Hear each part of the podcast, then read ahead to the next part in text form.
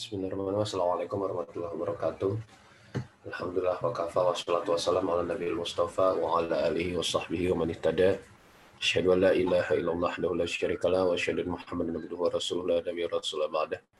Allahumma shalli wa sallim wa barik ala nabiyyina wa habibina wa syafiina wa maulana Muhammadin wa alihi wa sahbihi wa man tabi'ahum bi ihsanin ila yaumiddin.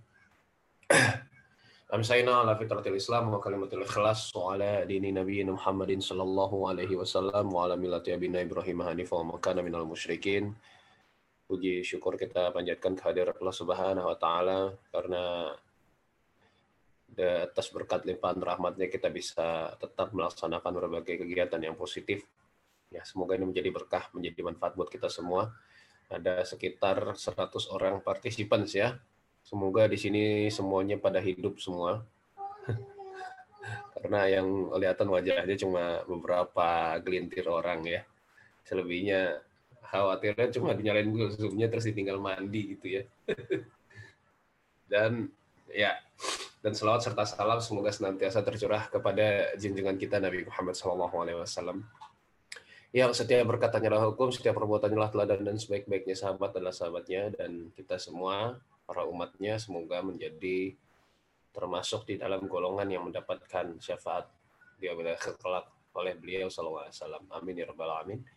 Uh, mungkin buat host kalau saya bisa jadiin co-host uh, lebih baik sepertinya. Ya, kalau nggak bisa ya nggak apa-apa.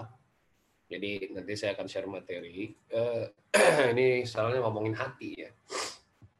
Jadi karena ngomongin hati jadi mungkin makanya teman-teman semua di sini tidak menampakkan uh, wajah tapi menampakkan apa namanya menyiapkan hatinya ya ya udah kita ngobrol dalam hati aja aliran kebatinannya uh, gini ya teman-teman sekalian hati itu kan adalah satu elemen yang sangat penting di dalam uh, jiwa kita dalam diri kita yang mana kalau dia rusak maka semuanya akan rusak yang mana kalau dia baik maka semuanya akan baik kalau dia bergejolak, maka satu tubuh akan bergejolak. Kalau dia berharap, maka satu tubuh akan berharap. Makanya eh, hati itu adalah raja. Ya, hati itu yang merajai tubuh kita. Hati itu yang merajai raga kita. Apa yang diinginkan hati itulah yang diikuti oleh tubuh. Ya, kalau hati kita sedang lemah, tubuh ikutan lemah. Kalau hati kita sedang kuat, tubuh ikutan kuat. Hati kita sedang berharap, tubuh ikutan berharap. Ya. Hati kita sedang apa namanya? bucin gitu ya. Tubuh kita ikutan bucin, gampang lemes, gampang mulai, gampang melting. Nonton drakor melting, dengkulnya lemes. Ya, lihat cowok ganteng, ih ganteng banget. Eh, rahimku anget kayak gitu. Hati-hati ya Mbak-mbak, rahim rahim anget itu tandanya berarti ada indikasi kanker rahim, segera hubungi dokter, jangan dibiarkan ya. Jadi hati itu hati-hati kalau masalah hati. Nah, oh udah jadiin kohos ya. Sebentar, sebentar.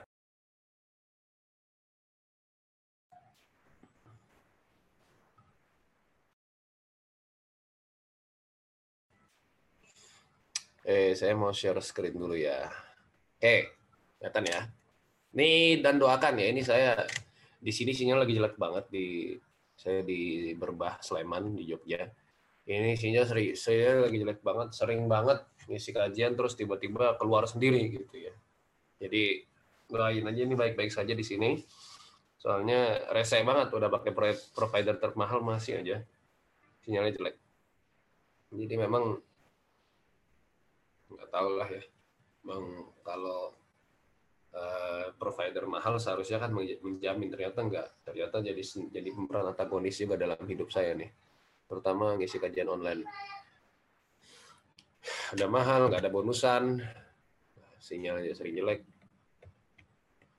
E, kayak di Indonesia ini kayak gitu ya. Kampus udah mahal nggak ada bonusan. Fasilitasnya nggak bagus wc bau ada yang kayak gitu. UNJ saya yakin iya gitu juga WNJ nggak mahal sebetulnya ya. Semua kampus itu nggak ada yang mahal sebelum ada UKT. Ya.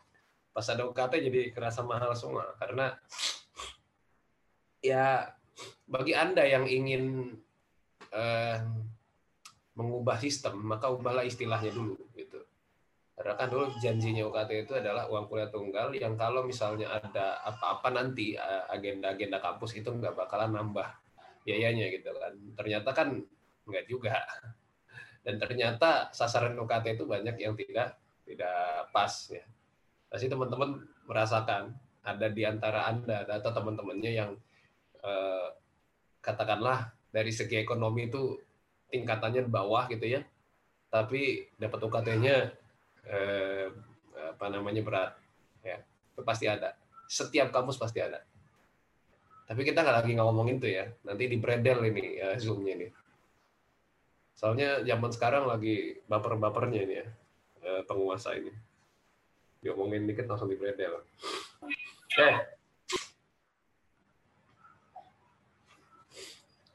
Kok jadi pilek nih? Oke ya. Eh, ini yang pertama, manusia itu punya satu hati teman-teman sekalian. Di surat Al-Azab ayat keempat, Ya Allah berfirman, "Ma jalallahu rajulin min qalbaini fi jawfi." Ya Allah nggak menjadikan bagi seseorang memiliki dua hati dalam satu rongganya. Keren banget gak sih? Ya. Kalian mau baca puisi yang uh, bikin melting, yang bikin apa namanya itu, ngena banget gitu. Itu itu nggak ada apa-apa yang dibanding Al-Quran. Di mana Al-Quran ini betul-betul ya menerangkan kepada kita bahwasanya tidak ada satupun orang yang punya dua hati dalam satu rongganya. Ya. Tapi jangan diartikan aneh-aneh gitu. Maksudnya eh, ini hati yang memang dalam hal ini betul-betul dikatakan oleh Allah Subhanahu wa taala, dikatakan oleh Rasulullah SAW ya, hati yang dia kalau baik maka semuanya jadi baik. Nah, jadi tidak mungkin ada ada dua hati dalam satu rongga. Gitu. Makanya kalau kalian ingin eh, apalagi masih jomblo nih ya, jelas di hatinya kan nggak ada siapa-siapa sekarang ya, atau ada? Ya jangan sering-sering hati itu kosong ya. Sama kayak baterai HP, kalau sering kosong nanti rusak. Nah, bensin juga gitu, kalau tangki bensinnya sering kosong nanti karatan. Ya sama hati juga kayak gitu, seringan kosong, kelamaan kosong, nanti karatan sendiri. Ya. Tapi biasanya kalau ikhwan enggak ya, di hatinya ada banyak orang. HP-nya udah kayak asrama akhwat biasanya.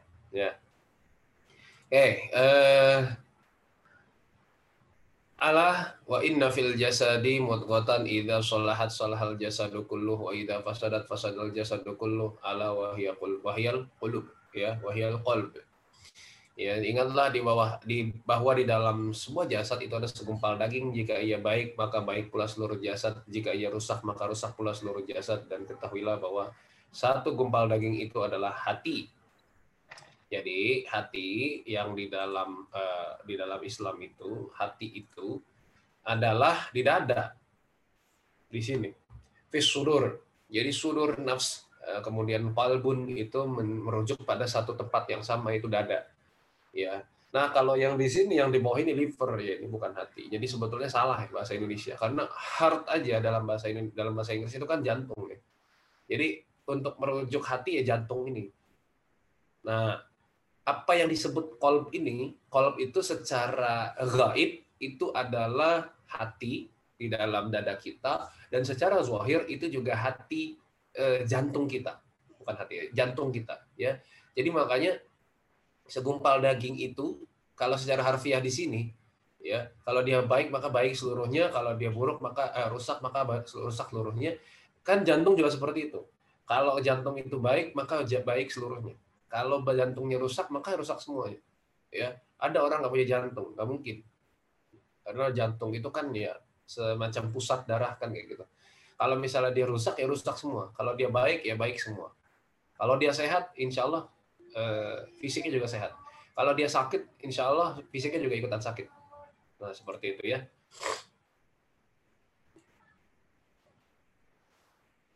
Nah, eh kalau judulnya hati-hati kalau masalah hati. Kayak lagunya siapa tuh? Lagunya Yura Yunita. Ya. Kalian tahu nggak lagu Yura Yunita? Hmm, nggak tahu. Nggak mungkin nggak tahu. Eh kalau nggak tahu kudet banget ya. Uh, ya nggak apa-apa sih. Ya mungkin kalian saking solehnya gitu kan. Akhi akhi soleh dan urti urti solehah gitu ya. Jadi nggak nggak paham yang gitu gitu taunya eh, nasib gitu ya. Sabian gitu. Oke. Yang pertama teman-teman sekalian hati yang mati itu tandanya ada beberapa. Sebetulnya banyak ya tapi ini saya rangkum dari mana ya? Kok saya jadi lupa? Tanbihul Gofilin kalau saya nggak salah ya. Jadi ada sekitar delapan poin. Yang pertama, tak ibadah, tak gelisah. Yang kedua, tenang saat bermaksiat. Yang ketiga, menjauh dari Al-Quran. Yang keempat, buruk sangka. Yang kelima, anti nasihat. Yang keenam, mati rasa atas teguran Allah. Yang ketujuh adalah gila dunia ini al-wahan. Seperti yang kita mau bahas pada hari ini. Ya, yang diminta sama panitia, Deng. Ya, panitia ngasih tor ke saya itu tentang al-wahan sebetulnya. Cuma kan kalau kita ngomongin al-wahan doang, 20 menit udah beres gitu. Uh, terus kemudian kufur yang ke-8. Oke, saya akan bahas satu-satu kita kupas satu-satu hati yang sakit ini ya. Yang pertama, nggak ibadah, nggak gelisah. Biasanya tahapannya berapa nih? Pertama, menunda-nunda ibadah. Kedua, meninggalkan tapi dengan perasaan menyesal. Dan ketiga, mulai ringan dalam meninggalkan. Iya nggak? Iya, berarti ya pernah meninggalin. ya. Jadi emang iya kan? Pertama itu nunda-nunda ibadah, lama-lama ringan nunda-nunda itu. Tadi nunda-nunda tuh dengan perasaan yang berat, dengan perasaan yang aduh eh, nggak enak nih, gelisah nih. Lagi lagi sama teman-teman yang teman-temannya itu memang bukan orang yang rajin sholat gitu. Sholatnya cuma sholat Jumat doang. Itu pun Jumatan datangnya pas sudah khutbah kedua, ya kan? Ada yang kayak gitu, kacau banget tuh. Jadi teman-teman yang udah ngaji ini, yang udah tergabung dalam organisasi ini, jangan sampai kayak begitu ya.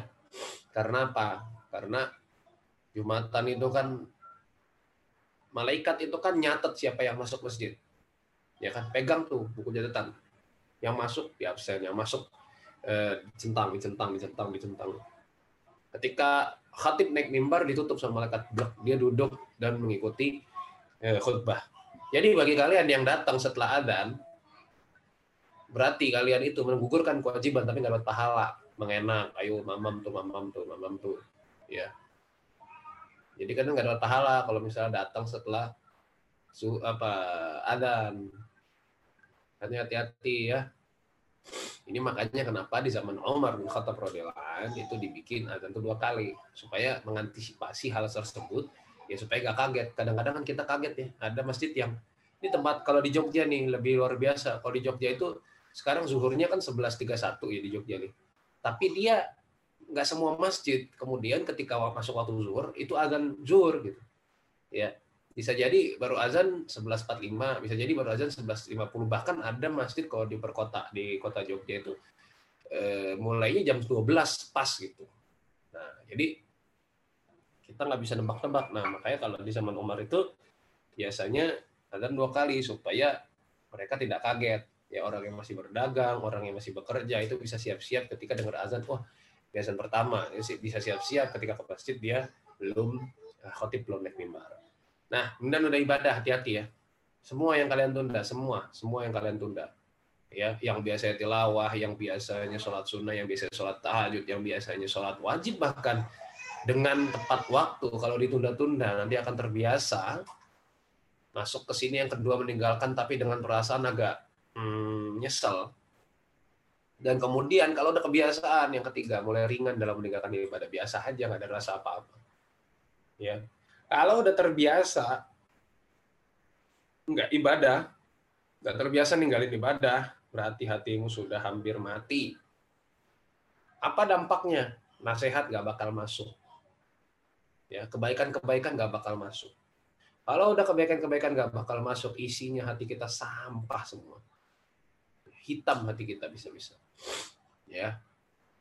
Akhirnya kalau sudah nasihat gak masuk, kebaikan gak masuk, yang kita lakukan adalah ya pasti keburukan, kemaksiatan. Kedua, nah makanya ini yang kedua, tenang saat bermaksiat. Karena fitrahnya manusia itu bertuhan kepada Allah. Karena maksiat adalah kita mengkhianati Allah. Nah, kalau masih sesuai fitrah, tentu saja pasti ada perasaan bersalah ketika kita mengkhianati Allah.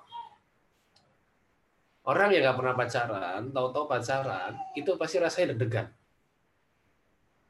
Ya, ini lagi naksir sama cewek, ternyata ceweknya juga naksir sama kita. eh terus sama-sama menyatakan perasaan. Akhirnya gimana? Ya udahlah.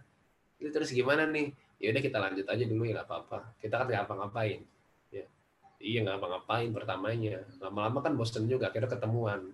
Ya ketemuan doang bosen juga. Lama-lama pegangan tangan pegangan tangan bosen juga lama pegang yang lain iya kan? Akhirnya terjadilah hal-hal yang diinginkan kan kayak gitu. Nah makanya saya suka bingung ya sama istilah MBA married by accident.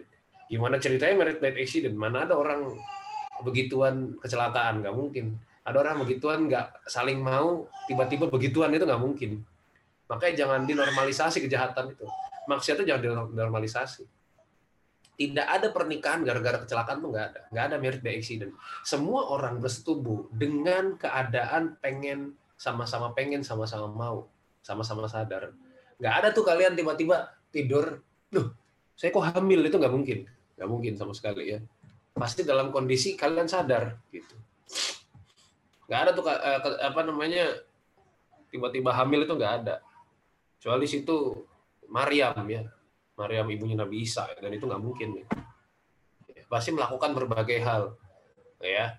Dan tidak mungkin perzinahan itu ujuk-ujuk itu nggak mungkin ya.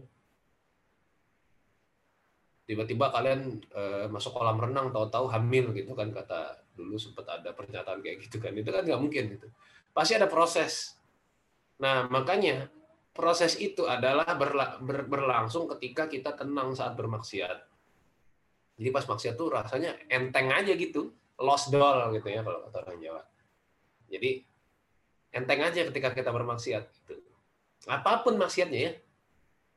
Kalau misalnya saya bilang rokok itu maksiat ya coba aja rasa rasakan yang masih merokok di sini. Kira-kira pas ngerokok tuh ada rasa bersalah nggak? Ada rasa Eh, pengen tobat apa enggak tapi kalau misalnya masih lanjut lanjut aja ya berarti ada sesuatu yang salah dalam hati ya ya orang percaya pertama pacaran biasanya deg-degan grogi bingung. Tapi kalau udah lihai udah jago wah luar biasa ya. Udah jadi buaya semua nih. Kamu kenapa sedih? Sini cerita aja sama aku. Kalau belum mau cerita nggak apa-apa kok. Ya nanti aja ceritanya nggak apa-apa. Aku akan selalu ada buat kamu. Woi woi woi gitu saya ya, saat bermaksiat. Makanya hati-hati ya para ikhwan ya. Jangan jadi buaya buaya darat. Tapi kalau kalau buaya beneran kan setia. Kalau buaya darat yang tidak setia. Ya. Kayak hati-hati juga para akhwat. Kalau kalian itu gampang melting berarti hati kalian itu hati yang gampang bermaksiat. Ya. Kenapa begitu? Ya karena memang fitrahnya itu kalian tidak akan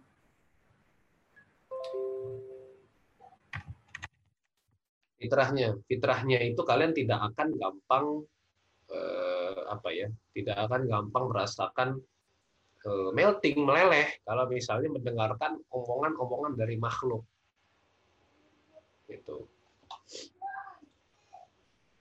Menjauh dari Al-Qur'an. Yang ketiga, Pernah nggak ngerasain males atau bahkan denger aja males gitu Al-Quran? Nah, kalau udah kayak gitu, itu adalah indikator bagi kita untuk segera bertobat dan mengobati hati. Kalau misalnya pernah merasakan seperti itu. Ini ada Al-Quran, diperdengarkan, kita gitu. Ganti aja kayak BTS gitu.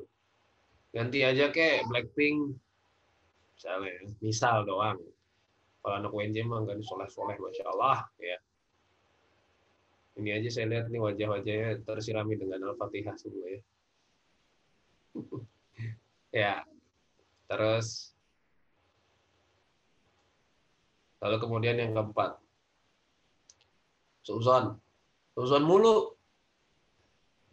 Pokoknya ngelihat orang tuh suzon ya bawaan. Ini nih sama dia nih sama dia nih. Pasti sama dia nih ditilep nih uang ini. Nitip duit sama dia pasti tilep nih uang ini. Gitu. Ya.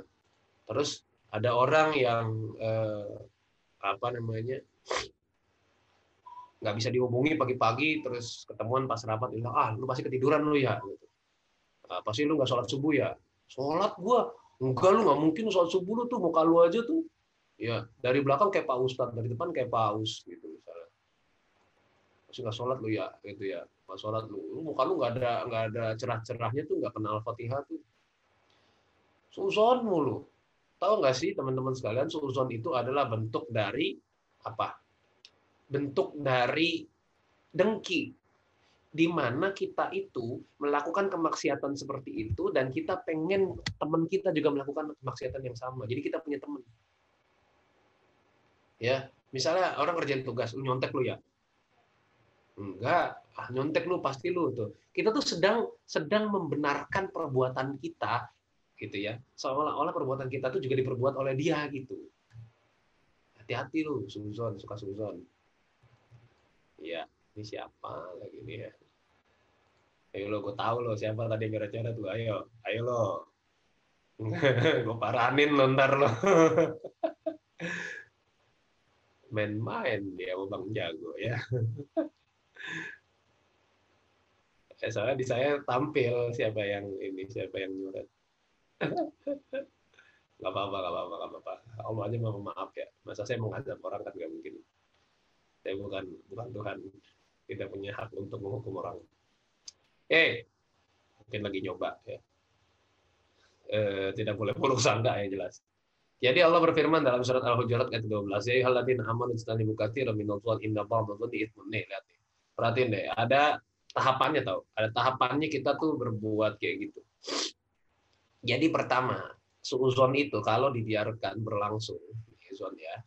Ya ayyuhalladzina amanu ijtanibu katsiran minadh dhanni inna ba'dadh dhanni itsmun sesungguhnya kebanyakan zon itu uh, apa namanya ya zon ya kebanyakan zon itu dosa. Ya jadi kebanyakan zon itu dosa. Mau husnuzon mau suzon itu bisa bisa berpotensi dosa.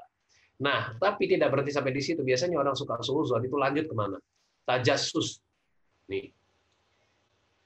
Orang itu setelah eh, melakukan zon, membiasakan perbuatan, eh, membiasakan suuzon, membiasakan prasangka buruk, itu akan tajasus. Tajasus apa sih? Nyari-nyari kesalahan orang. Kemudian kalau sudah sering begitu, suuzon dibiarin, tajasus dibiarin, muncul ini. Suka gibah. Makanya orang suka gibah, teman-teman sekalian, pasti awalnya itu sering suuzon, nih, dan kemudian juga sering mencari-cari kesalahan orang.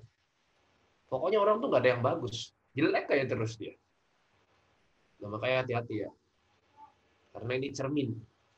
Bagaimana hati kita bekerja itu tergantung bagaimana perasaan kita. Tuh, hati-hati. Ya. Buruk sangka itu termasuk penyakit hati. Jangan dibiasain. Dan kemudian anti nasihat. Wa inna ba'dal kalami ilallah ayyakul ayyakul rajuli ittaqillah wa yaqulu alaika Eh, alaika nafsa. Ya, kok misah nih alaikanya nih. Ya, biarinlah ya. Intinya gitu. Kalimat yang paling dibenci oleh Allah seorang menasihati temannya bertakwalah kepada Allah tapi yang menjawab urus aja dirimu sendiri itu sering nggak kayak gitu. Eh sholat yuk ntar ini loh. Ah elah gua ini yang dosa. Eh jangan lo suka sama cowok, jangan suka sama cewek. Apa eh, cowok suka sama cowok, cewek suka sama cewek. Biarin aja sih. Kita kan nggak mengganggu kalian. Eh astagfirullah akhi janganlah eh, antum itu chattingan terus sama akhwat. Kasihan akhwat yang berharap sama antum. Biar aja sih. Nah, gitu. gue ini yang dosa gitu. Tuh gitu-gitu tuh nggak boleh. Ya dibenci paling dibenci oleh Allah. Seseorang nasihat temannya bertakwalah kepada Allah tersebut. Yang dibalas jadi nggak bisa dinasihatin nggak masuk nasihat itu. Mental nasihat semua masuk dari orang tua, dari orang yang lebih muda, ada ceramah dia nggak suka, itu ya. Ada apa namanya, ada tadi suara tilawah dia nggak seneng, hati-hati.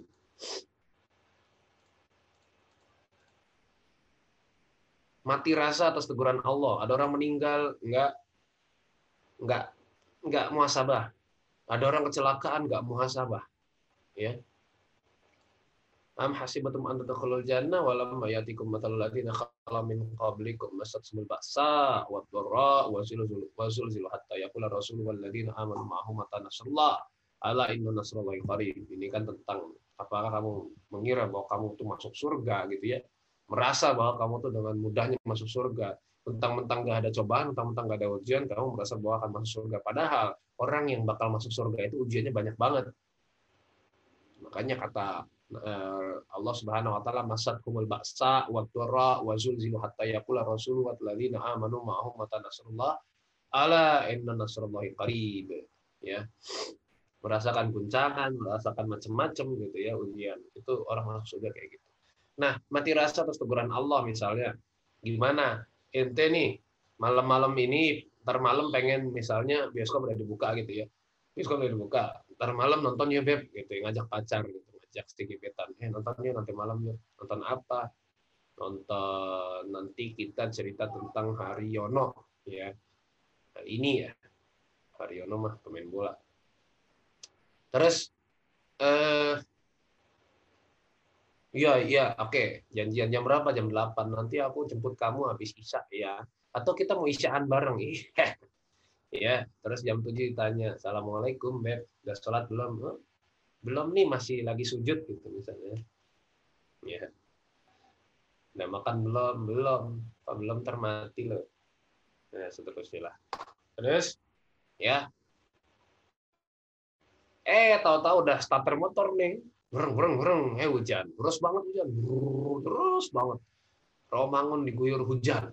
Gitu. Nah terus apa namanya? Bilang kepada si bebeknya tadi beb di tempat kamu hujan nggak iya nih hujan juga nih bang terus gimana nggak apa-apa beb kita tunggu sampai hujannya reda Nah, tunggu sampai 10 menit, 15 menit, nggak reda juga. Bang, gimana nih bang? Masih hujan. Tenang, Beb. Ini hujan inilah pertanda bahwa cinta kita itu memang harus diuji. Tenang aja, Beb. Abang akan mendatangimu. Jangankan hujan. Gunung pun kan kudaki, lautan kan kuseberangi, sawah-sawah kupaculi, ya kan. Demi mendapatkan cintamu, itu padahal sedang Allah tegur. Allah tuh tegur, eh kamu tuh jangan pacaran, nih gue kasih hujan. Gitu kan, nih saya kasih hujan. Allah gitu ya, Allah tegur kita. Allah tuh lagi sayang, masih sayang sama kita, jangan pacaran, nih kasih hujan. Ya, hujan diterobos juga, bannya bocor. Bocor kemudian ditambal juga, diterobos lagi tuh hujan, tahu-tahu masuk becekan, ternyata becekannya itu adalah selokan, jeblur ke situ. Masih juga dibela-belain untuk jemput si pacar jadi Allah itu maha sayang banget sama kita, sayang banget sama kita. Kalau kita mau bermaksiat itu pasti dihalangin. Setiap kita yang masih beristighfar, setiap kita yang masih sholat, setiap kita yang masih ngaji, kalau kita mau bermaksiat pasti Allah halangin. Pasti. Entah bannya bocor tadi, entah hujan, entah ada tetangga yang meninggal, entah ada ayam yang mati gitu ya. Entah macam-macam aja. Pasti Allah halangi. Nah, masalahnya kita sadar nggak ada warning dari Allah bahwa Allah sudah menghalangi kita dari kemaksiatan. Kita sadar nggak? Kalau nggak sadar ya udah kata Allah lanjut aja terus. Dan mampus. Itu. Dan mampusnya bukan dalam keadaan beriman kepada Allah. Balik ya. Semoga kita nggak kayak begitulah. Terus, nah ini ya. Muhibbud dunya la yanfaq bin talatin. Hammun lazimun wa ta'abun daimun. Wa hasratun la tanqadi. Pecinta dunia tidak akan terhapus dari tiga hal. Kesedihan atau kegelisahan nih anxiety overthinking terus-terusan kelelahan yang berkelanjutan dan penyesalan yang tidak pernah berhenti. Ibnu Qayyim dalam Ighatsatul Lahafan ya jadi itu kata Ibnu Qayyim cinta dunia tuh nggak lepas dari tiga hal ini. Tuh yang suka gelisah overthinking insecure. Hmm, jangan-jangan itu karena kalian mencintai dunia ya. Hati-hati. Kalau masalah hati kata Yura Yunita ya. nah nyambung dari cinta dunia itu adalah al-wahan. Apa tuh al-wahan? Antauban qala Rasulullah sallallahu alaihi wasallam yushikul umam an tada'a alaikum kama tada'a ak lat uh, alaikum kama tada'a al akalatu illa qas'atiha. Faqala qailun wa min qillatin nanu yawma idin. Qal bal antum yawma idin kathirun walakinnakum gusaun. Ka gusa sail wala yanzi annallahu min suduri aduwikumul mahabah minkumul wala yaqdhifannallahu fi qulubukumul wahan faqal qailun ya Rasulullah wa mal wahnu qal hubbud dunya wa karahiyatil maut ya hubbud dunya wa karahiyatil maut Hampir tiba masanya bangsa-bangsa saling mengajak untuk mengalahkan kalian umat Islam, sebagaimana sekumpulan orang saling mengajak untuk makan makanan di talamnya, maksudnya makan rame-rame. Apakah karena kita saat itu sedikit pada waktu itu, wahai Rasulullah, seorang bertanya, kemudian bahkan kalian banyak kata Nabi, tapi kalian seperti buih, ya, kalian buih seperti buih banjir, dan Allah mencabut rasa gentar dari hati musuh kalian, dan Allah menanamkan al-wahan di hati kalian. Dan apa itu al-wahan? Wahai Rasul, tanya seseorang senang dunia dan takut mati. Nggak mau kehilangan dunia, nggak mau ketinggalan dunia, ya. Berani mati demi dunia. Tapi tidak takut, tidak berani mati kalau demi membela agama Allah nggak berani mati kalau membela keluarga. Ya, jadi apa ya? Ini sesuatu yang harus kita pahami bersama. Bahwa mungkin al-wahan ini sedang menghinggapi kita, balik bahwa mungkin al-wahan ini sedang menghinggapi umat kita sehingga umat kita nggak maju-maju. Karena apa? Karena kita tuh sekarang segala sesuatunya berkaitan dengan harta. Muslim wajib kaya, wajib jadi pengusaha, seminar mendapatkan 100 juta pertama. Jadilah muslim yang kaya supaya bisa bersedekah. What the? Nggak jadi. Ya, pokoknya what the aja ya. Kenapa? Apa iya ada kewajiban kita jadi orang kaya? Teman-teman sekalian, ya Allah ya. Kadang-kadang ada gimana caranya amalan supaya bisnis kita sukses. Astagfirullah. Nggak salah sih, nggak salah. Kalau tarif keimanan kalian masih di bawah, itu nggak apa-apa. Tapi kalau tarif keimanan kalian sudah tinggi, kalian ini sudah jadi anak ngaji, sudah jadi aktivis dakwah, masih bertanya kayak gitu. Amalan apa yang mendekatkan kita pada jodoh? Aduh, aduh, aduh, aduh, aduh. Artinya apa? Kita masih beramal itu bergantung pada dunia. Sholat duha biar kaya. Ya, sholat tahajud biar bisnis sukses. Kenapa harus ke situ sih? Kenapa nggak pernah kita menjadikan ibadah kita bentuk syukur kita kepada Allah gitu loh? Susah emang. Ya. Jadi kita tuh kadang-kadang dibiaskan seolah-olah muslim harus kaya. Pertanyaan saya begini teman-teman, kalau memang amalan-amalan ada yang bikin kita kaya. Pertanyaan saya, apakah sahabat-sahabat Nabi amalannya lebih banyak daripada kita atau lebih sedikit? Lebih bagus daripada kita atau lebih jelek? Lebih khusyuk daripada kita atau tidak khusyuk? Pasti jawabannya lebih bagus dong. Sahabat Nabi gitu loh. Bukan kaleng-kaleng imannya. Nggak kayak kita. ya. Terus, pertanyaan kedua saya, apakah kalau sahabat Nabi itu amalannya bagus-bagus, terus sahabat Nabi semua jadi orang kaya? Jadi orang sukses. Bisnisnya pada pada sukses semua. Kan enggak. Ada Bilal yang miskin, ada Abu Dar yang sendirian, ada Salman Al-Farisi yang menjahit bajunya sendiri. Bahkan Nabi SAW juga menjahit bajunya sendiri. Ali bin Abi Thalib dan istrinya Fatimah itu bahkan masak sendiri di rumah. Banyak sahabat yang miskin gitu loh. Apa kita nggak pernah membahas mereka? Yang dibahas Abdurrahman bin Auf lagi, Utsman bin Affan lagi. Ya, seolah-olah yang harus yang harus kita jadi kita tuh harus kaya gitu. Padahal enggak, kita nggak disuruh untuk menjadi kaya semua. Karena tidak semua orang jadi kaya itu siap. Kenapa ada banyak koruptor? Terakhir ada koruptor juga karena dia nggak siap jadi orang kaya. Dia tidak merasa cukup.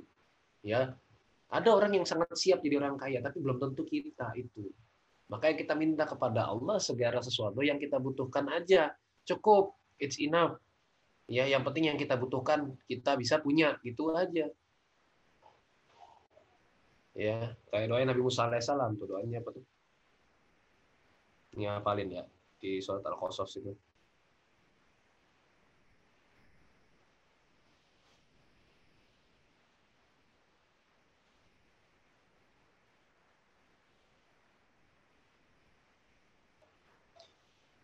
Eh,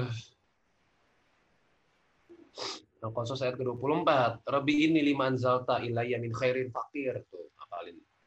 Al-Qasas ayat ke-24. Doanya Nabi Musa kan simpel. Ya Tuhanku, sungguhnya aku sangat memerlukan sesuatu kebaikan yang kau turunkan kepadaku. Jadi Nabi Musa alaihissalam nggak doa aneh-aneh, nggak doa spesifik. Tapi apa yang didapat sama Nabi Musa? Dapat tempat tinggal gratis, dapat kerjaan, ya digaji lagi makan gratis lagi. Habis itu bisa nikah sama anaknya bos lagi. Padahal doanya Nabi Musa apa? Cuma kita doang. Ya Tuhanku berikanlah apa turunkanlah kepada aku ya. Kebaikan-kebaikan sesungguhnya aku sangat membutuhkan. Udah gitu doang. Eh ternyata dikasih banyak. Kita dari dulu minta NMAX nggak dikasih kasih jangan-jangan emang Allah itu merasa kita itu ya, menurut Allah itu kita tuh nggak pantas gitu naik NMAX lucu gitu. Ente cocoknya cuma naik Mio yang tahun 2006 itu. Nggak cocok naik NMAX gitu. misalnya ya nih alwahan ya jadi bisa jadi ini yang melemahkan kita semua teman-teman sekalian pikirannya duit mulu, pikirannya kekayaan melulu gitu loh. Ya. Seminar pengennya kaya, eh, ikut ini pengennya kaya. Jadi segala ibadah dikaitkan dengan kekayaan. Wa yatadana rabbukum la in syakartum la zidannakum wa la kafartum inna adzabi lasyadid. Surat Ibrahim ayat ke-7. Ini penyakit hati juga, kufur, nggak bersyukur. Ya, nggak bersyukur dengan apa yang kita miliki, tidak percaya dengan ketetapan Allah, tidak senang dengan apa yang sudah Allah tetapkan kepada kita, dijatahin kepada kita, itu juga termasuk kufur. Hanya ya, ingat-ingat sesungguhnya jika kamu bersyukur kata Allah, maka nikmatku akan ditambah. Dan jika engkau mengingkari, engkau kufur kepadaku, maka sesungguhnya azabku akan sangat pedih. Oke, teman-teman semua, saya cuma itu yang bisa sampaikan. Nanti selebihnya silakan kalau mau didiskusikan, boleh. Kalau mau ditanyakan boleh, kalau enggak ya udah. Kalau misalnya malu mau tanya, misalnya malu ya berkaitan dengan hal-hal yang pribadi, silakan tanyakan aja ke Misos ini. Ya, eh, bisa ke Instagram, terutama Instagram ya. Instagram saya cukup aktif, jadi kalau mau tanya-tanya silakan di Instagram aja. Eh, jangan lupa di follow, jangan nanya doang kagak follow, apalagi nanya tapi buat fallback gitu. Enggak enggak enggak enggak, enggak banget enggak banget. Ya nah pokoknya itu ya. Nanti silakan saya kembalikan dulu ke moderator Mas Amsal Wahyudi. Demikian. Aku kali ada astagfirullah walakum Uh, syukuran jasa kalau khair Ustadz uh, atas penyampaian materinya pada kajian kali ini. Sekarang uh, kita buka ya sesi tanya jawab boleh uh, teman-teman kalau misalkan ada yang mau bertanya ya langsung raise aja gitu boleh lewat on mic ataupun bisa lewat room chat ya Tafadul.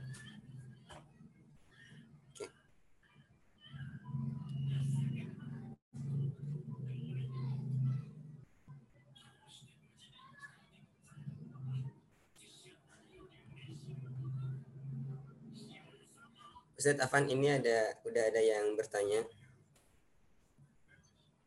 dari aneh baca ya Ustaz ya dari Sri Fatimah. Punten saya ingin bertanya. Siap, siap. Ketika ada hal-hal yang memicu kita untuk bersuuzon, apa yang harus kita lakukan Ustadz supaya kita bisa menghindarinya? Misalnya kita sering banget dibohongin sama orang tersebut dan akhirnya kita jadi nggak percaya lagi sama dia. Jadinya setiap dia ngomong suka mikir ini bohong nggak ya? Itu Ustaz ya. Boleh langsung dijawab Ustaz eh, bagus nih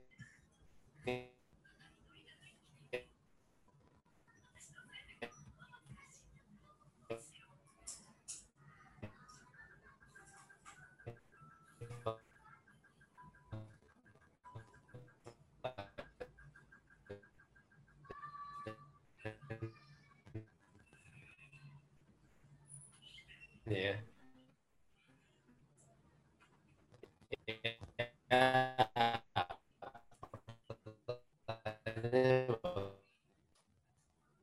Uh, Afan Ustadz, suaranya terputus.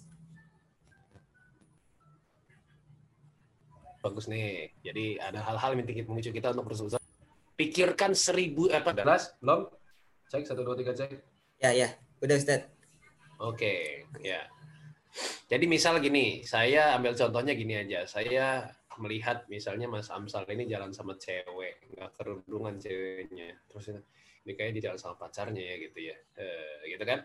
Terus tapi saya munculkan seribu satu alasan kebaikan di dalam hati saya bahwa bisa jadi itu bukan pacarnya bisa jadi tantenya gitu tapi usianya agak deket gitu tapi bisa jadi itu adalah misalnya kakaknya atau adiknya gitu seperti itu ya dan satu pertama itu yang kedua ketika anda ingin bersuuzon tanam apa namanya tahan itu di dalam hati jangan dikeluarkan jangan diceritain karena biasanya yang bikin dosa itu yang bikin dosa ya yang bikin dosa itu bukan suuzon atau husnuzonnya, tapi yang bikin dosa itu karena kita nyeritain.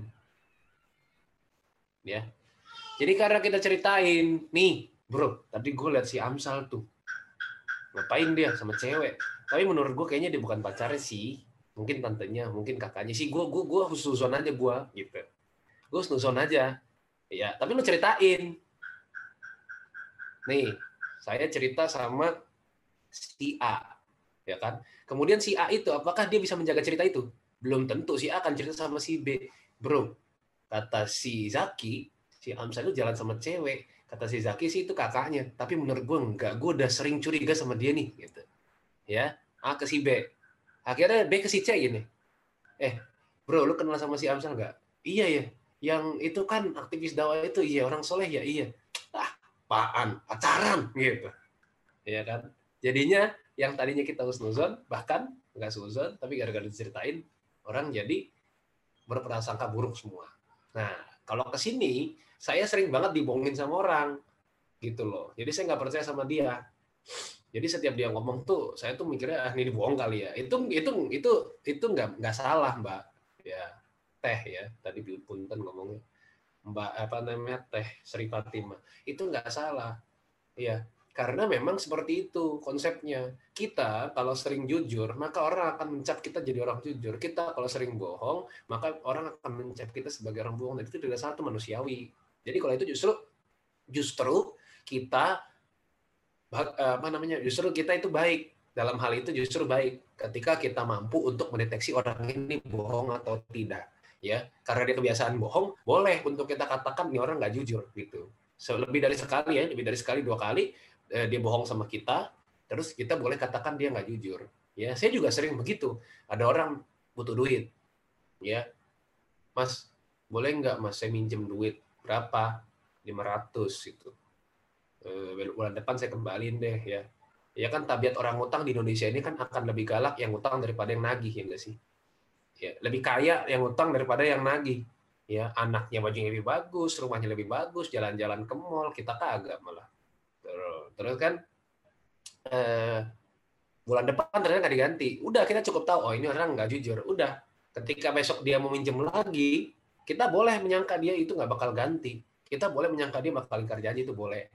Ya. Jadi dalam hal ini bukan suuzon kalau hal ini, tapi kita membentengi diri dari kebohongan-kebohongan tersebut. Itu boleh, ya. Nah, kalau kalian eh, ini yang cewek-cewek ditembak sama cowok gitu ya, mau nggak jadi pacar aku? Jadi bilang, ah enggak ah, aku nggak mau, aku trauma sama cowok. Terus kemudian cowoknya pasti bilang ya dengan segala cara bilang, aku baru kok, aku belum pernah pacaran sebelumnya, tapi sama kamu ini beda rasanya gitu kan. Ya udah langsung bilang aja, tackle aja langsung mbak, langsung bilang aja, enggak ah, cowok tuh brengsek soalnya kalau pacaran gitu. Pasti kan dijawab, enggak kok aku nggak brengsek. Ya, jawab aja, belum. Nanti juga brengsek gituin. Ya. Jadi kita punya benteng gitu semoga bisa menjawab ya jadi ini adalah benteng diri bukan soal susu, uh, tapi kalau suuzon atau suuzon kayak tadi yang saya saya berikan uh, apa tuh namanya ilustrasinya. Gitu ya. Mohon maaf ya mas moderator saya jadi ilustrasi. Jadi maafin nggak kalau dimaafin saya live aja nih. Sudah atas ini jawabannya. Ini uh, ada Pertanyaan lagi, Ustaz. Uh, dari Nadia Safa. Afan Ustaz izin bertanya, ketika kita kesal dengan perilaku orang lain, Ustaz, sering kita diam di mulut tapi menggerutu di hati. Apakah itu hal yang wajar dan diperbolehkan Ustadz? Maka bagaimana Ustadz cara yang tepat untuk dapat benar-benar memberi uzur dan memaklumi sikap seorang secara sempurna? Eh, Boleh tafadol Ustadz. Siap. Jadi kita tuh tadi lagi-lagi kembali lagi kepada sifat manusiawi kita kesel dikecewakan. Ya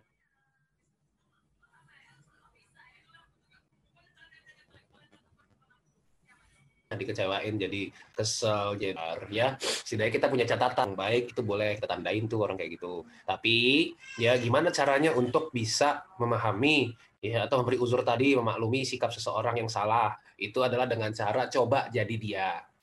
Ya coba kita ubah sudut pandang kita eh, bahasa bahasanya kita coba pinjem kacamata dia. Kalau saya pakai kacamata ya coba pinjem kacamatanya dia. Barangkali memang dia tuh mengalami hal-hal yang tidak enak. Barangkali dia mengalami hal-hal yang membuat dia jadi nggak tepat janji. Ya barangkali dia mengalami hal-hal yang membuat mengecewakan gitu ya. Jadi coba untuk uh, mencoba untuk menjadi orang lain gitu loh. Jadi coba uh, ubah sudut pandang kita menjadi sudut pandang orang lain barangkali itu lebih baik dan bisa membuat kita lebih paham bahwa memang uh, ada hal kemudian kita bisa mengerti. Nah, uh, soal tadi ya bisa dibuat bisa terbolak-balik dan Allah maha bolak-balikan hati. Nah, bagaimana caranya agar hati itu tenang, hati itu terus untuk tidak menggerutu ya? Ala inna bidikrillahi tatmainul qulub kata Allah. Ya, hanya dengan mengingat Allah hati menjadi tentram gitu aja. Jadi ya banyak istighfar, ganti gerutu kita dengan istighfar, ganti gerutu kita dengan solawat, ganti gerutu kita dengan Eh, tasbih, tahmid, dan tilawah begitu. Ya, semoga bisa menjawab. Oke, syukuran jasa kalau Ustaz. Uh, semoga bisa menjawab atas pertanyaan tadi ya Nadia Safa ya. Uh, selanjutnya ada lagi Ustaz dari Izah Nur Maulidah. Assalamualaikum Ustaz, izin bertanya. Uh, menurut Ustadz, bagaimana ketika kita mendapatkan teman yang banyak negatifnya, tapi dia baik sama kita? Apakah kita boleh tinggalkan atau bagaimana Ustadz? ya semua teman itu boleh semua manusia boleh kita temenin selama dia tidak mengajak kita kepada kemaksiatan ya selama dia tidak membuat kita itu uh, terjerumus gitu saya juga punya teman banyak maksiat banyak maksiat lagi banyak negatifnya tapi ya ya udah sekedar menjadi orang yang ya kita menjalin silaturahim. Bisa jadi dengan kebaikan kita dengan kita menunjukkan kita sebagai muslim yang baik dia jadi ter, tergerak gitu untuk jadi muslim yang baik juga. Kan bisa aja kayak gitu ya. jadi boleh kita tinggalkan apa enggak jadi tergantung tadi ya. Apakah di negara apakah baiknya dia tuh kayak gimana? Jangan-jangan baiknya dia ngajak ente mabok ya sama aja bohong itu mah. Ya baik dia baik tapi untuk ngajak mabok gitu misalnya. Itu bukan baik namanya ya tapi baiknya seperti apa dulu ya baiknya seperti apa bentuknya seperti apa ya jadi kita tinggalkan atau tidak kita tinggalkan keburukannya atau kita memberi jarak. Jadi kita tuh tidak tidak tidak meninggalkan tapi juga tidak terlalu dekat. Kita kasih jarak. Jangan sering-sering ketemu sama dia gitu kan supaya kita nggak nular gitu keburukannya. Ya, dan juga kita perkuat dalam diri kita ya barangkali dengan keislaman kita dia jadi tergerak untuk berubah untuk berhijrah seperti itu. Syukran Ustaz. Uh, Semoga bisa menjawab pertanyaan dari Iza ya. Selanjutnya ini ada uh, pertanyaan lagi Ustaz dari Syaimah Mufida. Assalamualaikum Ustaz. Izin bertanya, apa parameter kita sudah bertuhan dengan baik kepada Allah Subhanahu wa taala? Boleh Ustaz?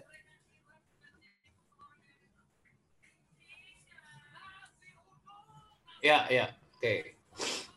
Apa ukuran kita tuh sudah bertauhid dengan benar lah seperti itu ya.